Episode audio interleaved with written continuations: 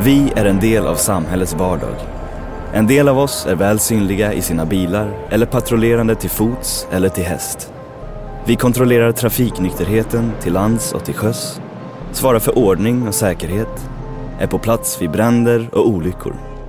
Vi arbetar på kontor eller i laboratorier, eller besöker skolor, äldreboenden och bostadsområden för att informera och stödja. Vi är polisen. Med den här programserien vill vi visa hur polisarbete går till och vilka tankar och regler som ligger bakom de beslut som fattas. Den polisen hamnar i alla besvärliga akuta lägen. Det ställs väldigt höga krav på en ingripande polis. Några djupa andetag. Man vet att man vänder upp och ner på den här människans liv. Och det, det känns i hjärtat oavsett hur länge man har jobbat. Det är alltid bemannat. Det kan inte vara tomt på polisens 112. Men det vill till att vi kan mixa de yngre med de mer erfarna. För att det är ett oerhört svårt och krävande uppdrag annars. Ingripandeverksamheten, IG, är den del av polisens arbete som allmänheten ser mest av. IGs uppgift är att förebygga brott, övervaka den allmänna ordningen och säkerheten och att ingripa när brott begås. Trafikövervakning, att leta efter efterlysta, att jobba med ungdomar mot narkotika, att med helikopter, mc-poliser, hundpatruller och att i samarbete med frivilliga leta efter försvunna personer och att biträda räddningstjänsten vid de allra flesta typer av bränder ingår också i uppdraget. Hej, jag heter Mats Löving och är länspolismästare i Stockholm och på Gotland. Ingripande poliserna är ju det medborgare tror jag tycker är allra viktigast hos oss. Så den polisen hamnar i alla besvärliga akuta lägen, oftast med väldigt kort tidsvarsel. Så möjligheterna att på något sätt mentalt förbereda sig är väldigt begränsade. Det ställs väldigt höga krav på en ingripande polis. Och medborgarna som sagt tycker antagligen att det är den absolut viktigaste delen i hela polisens verksamhet. Och när man pratar med vanliga människor så är det en av de allra vanligaste synpunkterna man får. Vi vill se fler synliga poliser ute. Det tror jag är en liksom väldigt viktig grej. För går det fel någon gång då är det oftast i det här akuta läget och tvärtom. De gånger det går riktigt bra och vi är framgångsrika då beror det väldigt ofta på att en ingripande polis har gjort väldigt bra ifrån sig i akutläget. Ingripande poliserna har fått en väldigt förändrad arbetsroll. Kraven på ingripande poliserna förändras väldigt mycket. De har med sig bärbara datorer och har stora krav på att utreda brott. Och vissa brott till och med slutföra utredningen i. Och den där svängningen eh, från att vara traditionell ingripande polis och arbeta i akutläget till att också göra färdigt brottsutredningar.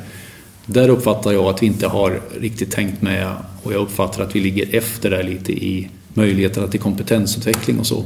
Vi har fattat beslut om en del förändringar men det här arbetet går vidare också åt två olika håll. Å ena sidan respekt för att det här är en egen specialitet som ingripande polis. Men också åt det hållet att hur vi bättre ska jacka i ingripande polisen med närpolisen och de poliser som arbetar heltid med att utreda mängdbrott.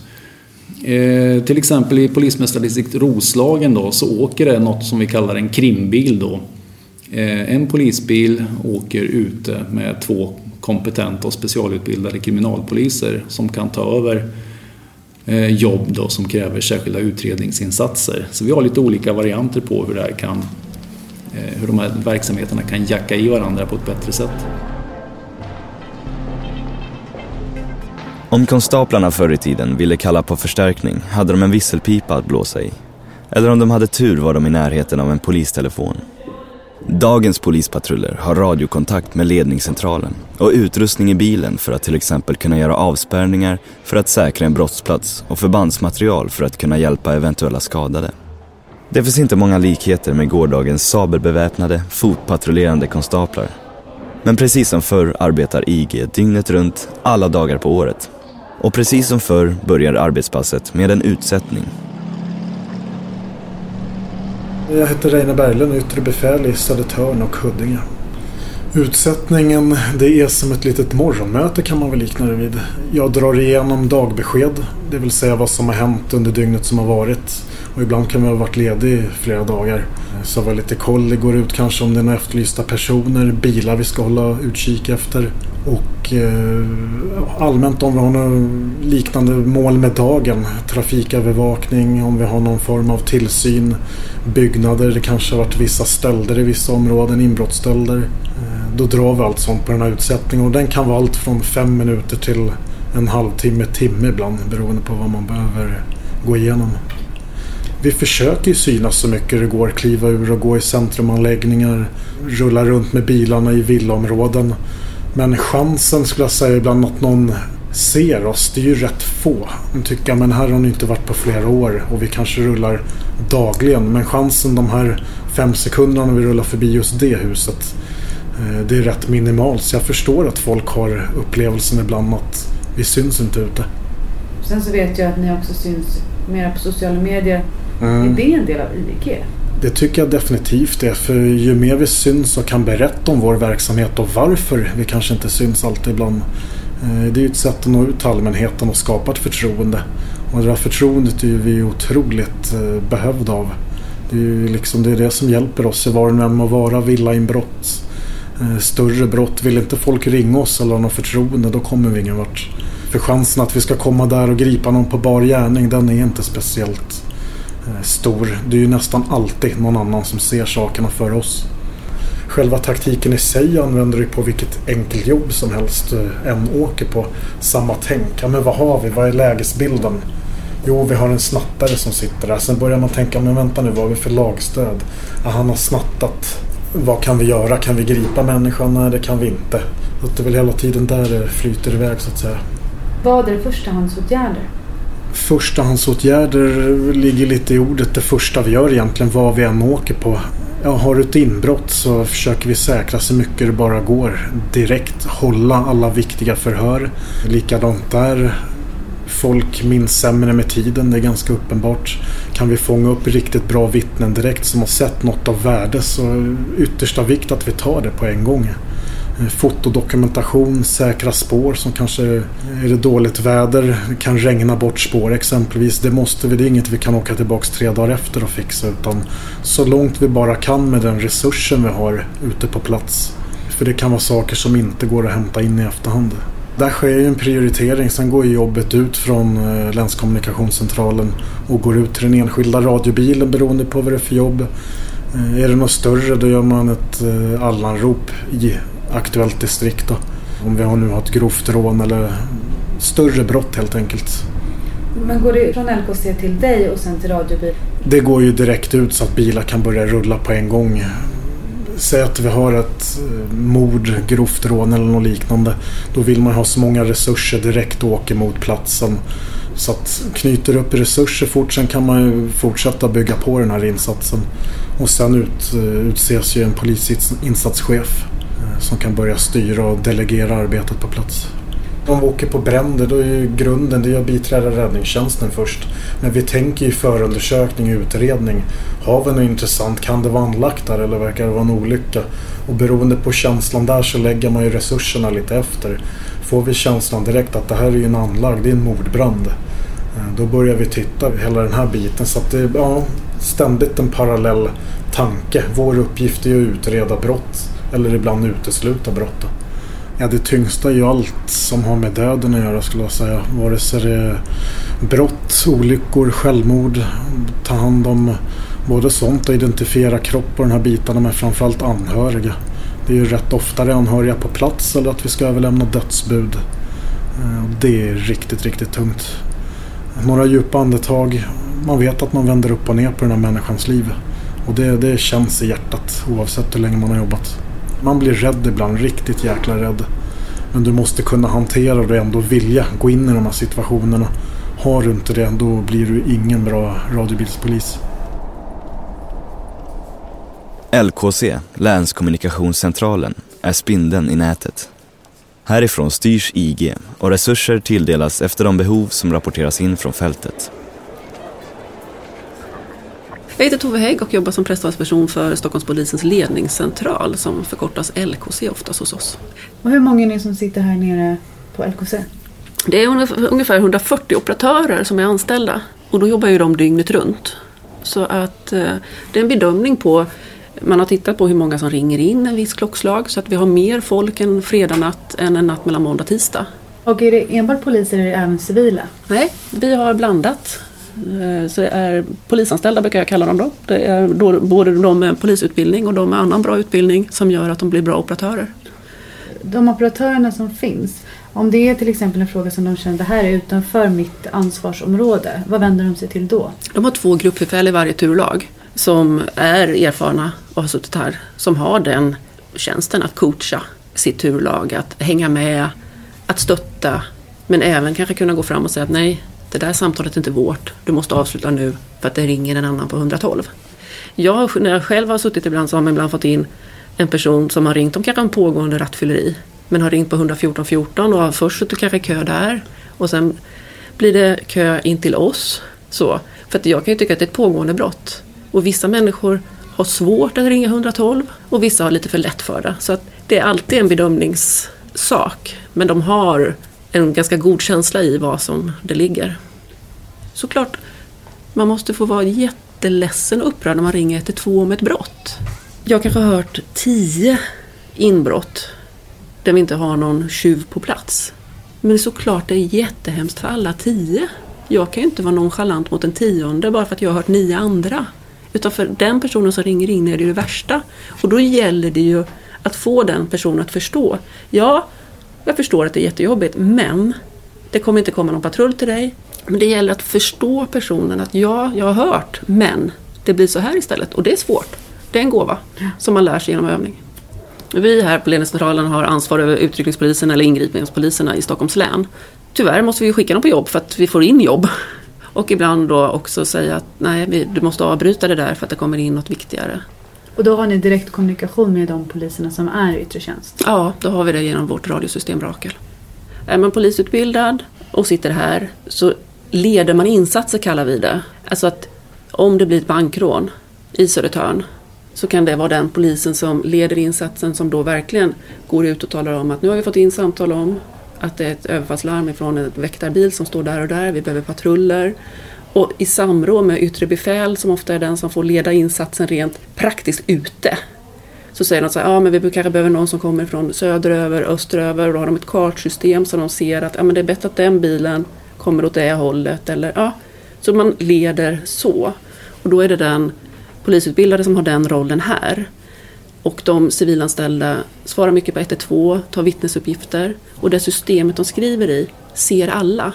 Så den polisen som pratar ut mot patrullerna kan berätta, nu säger vittnet att de lämnar i en röd bil. De lämnar västerut. Och då vet den där polisen att ja men den bilen kommer ju från det hållet. Så ja men du 37 och sen anropsnumret, nu får du vara observant. Har du kommit hem och konstaterat att det har varit inbrott? Ja, det ska komma en patrull dit men kanske inte just nu. Men den ska komma kanske helst inom en timme. Man ska åtminstone förklara sen varför det dröjer längre.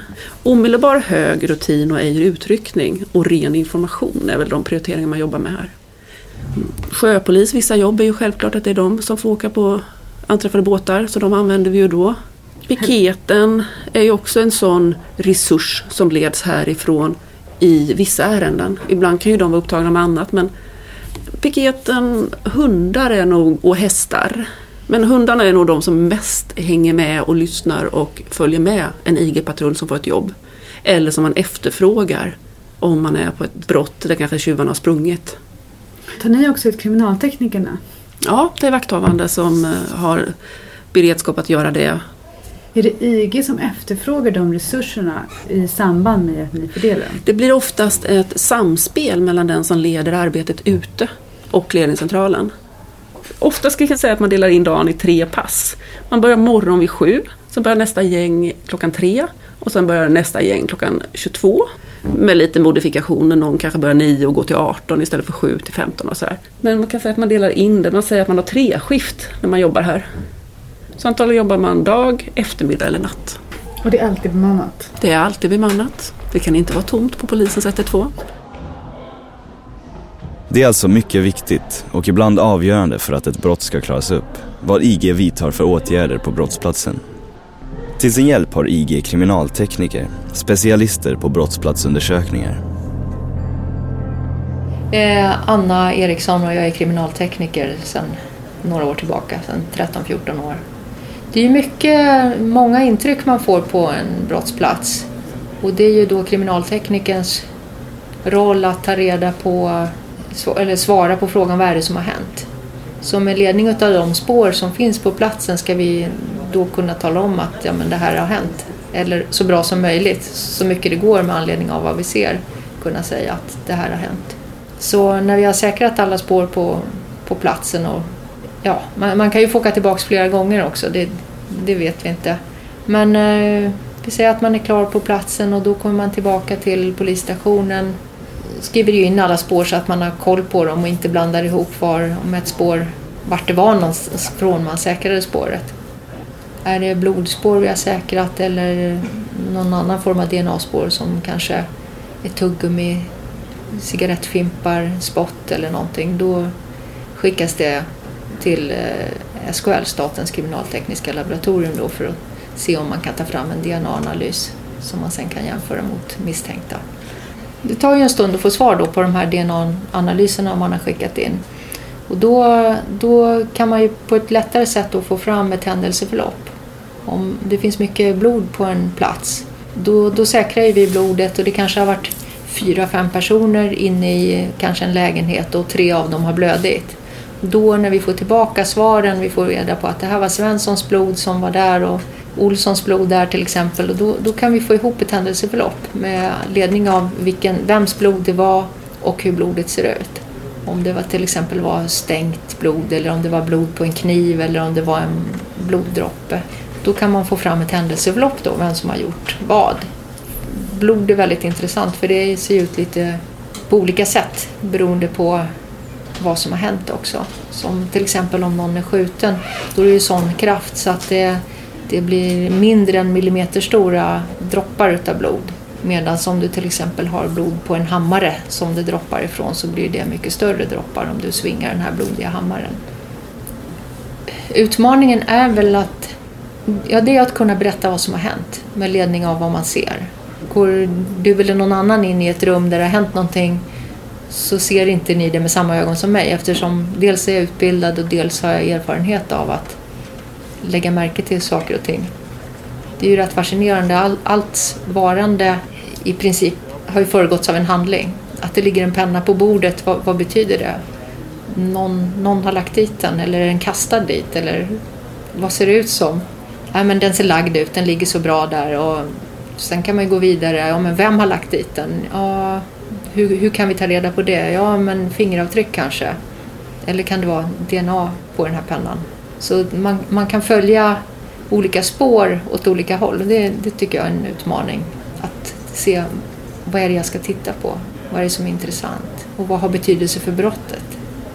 Hundar kan vi använda.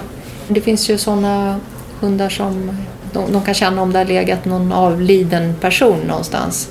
Det kan man ju använda om det har legat en, en avliden människa i, i en bil till exempel.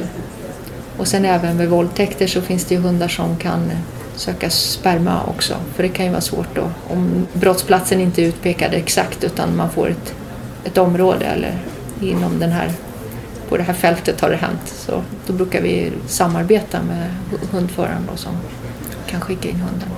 För det mesta har alla samma uppgift. Sen finns det några inom tekniska roten som är speciellt utbildade på eh, blodstänk. Några är mer utbildade vad det gäller skjutningar och göra rekonstruktioner av kulbanor så man kanske kan beräkna var skytten har stått.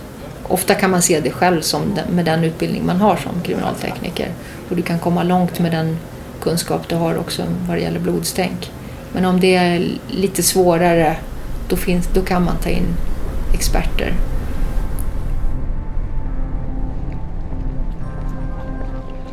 Ja, jag heter Christian Agdur är polismästare och det innebär att jag är chef för ett av Stockholms åtta distrikt, Södertörn. IG, det är en tjänst som nästan alla hamnar i efter polisskolan. Mm. Um, hur kommer det sig att det är så tror du? en gammal tradition. Och den kan man verkligen ifrågasätta därför att det är nog det svåraste polisjobbet som finns.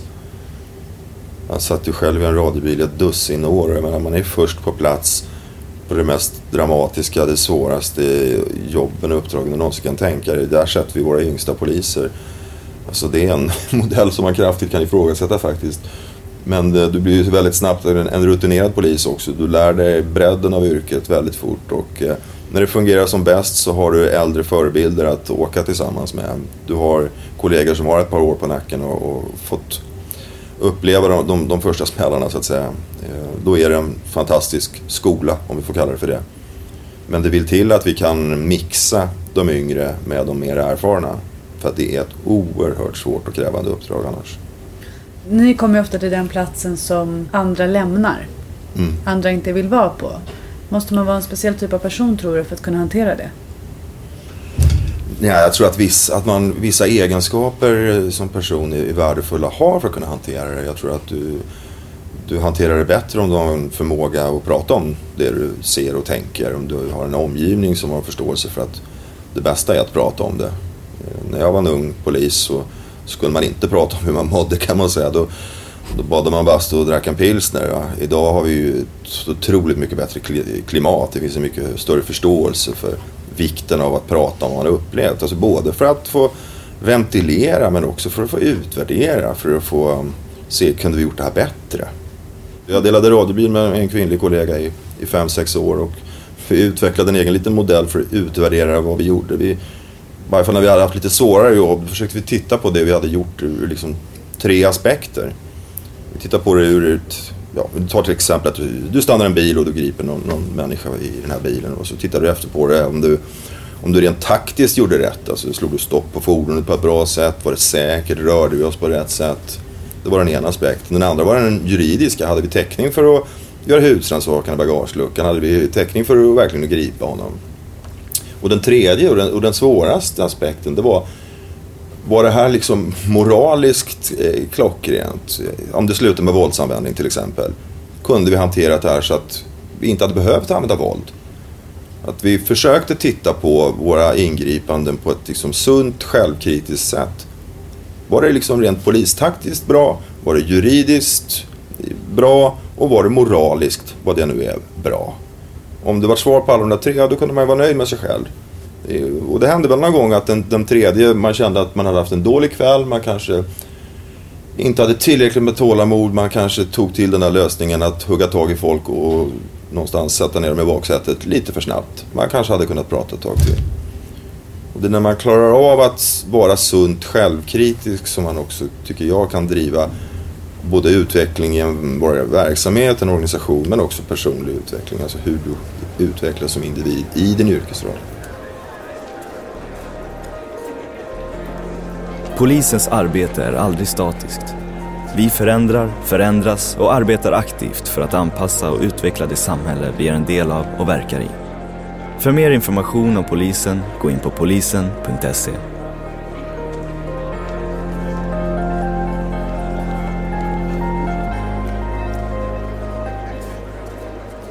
Den här podcasten är producerad för Stockholmspolisen av Lexter.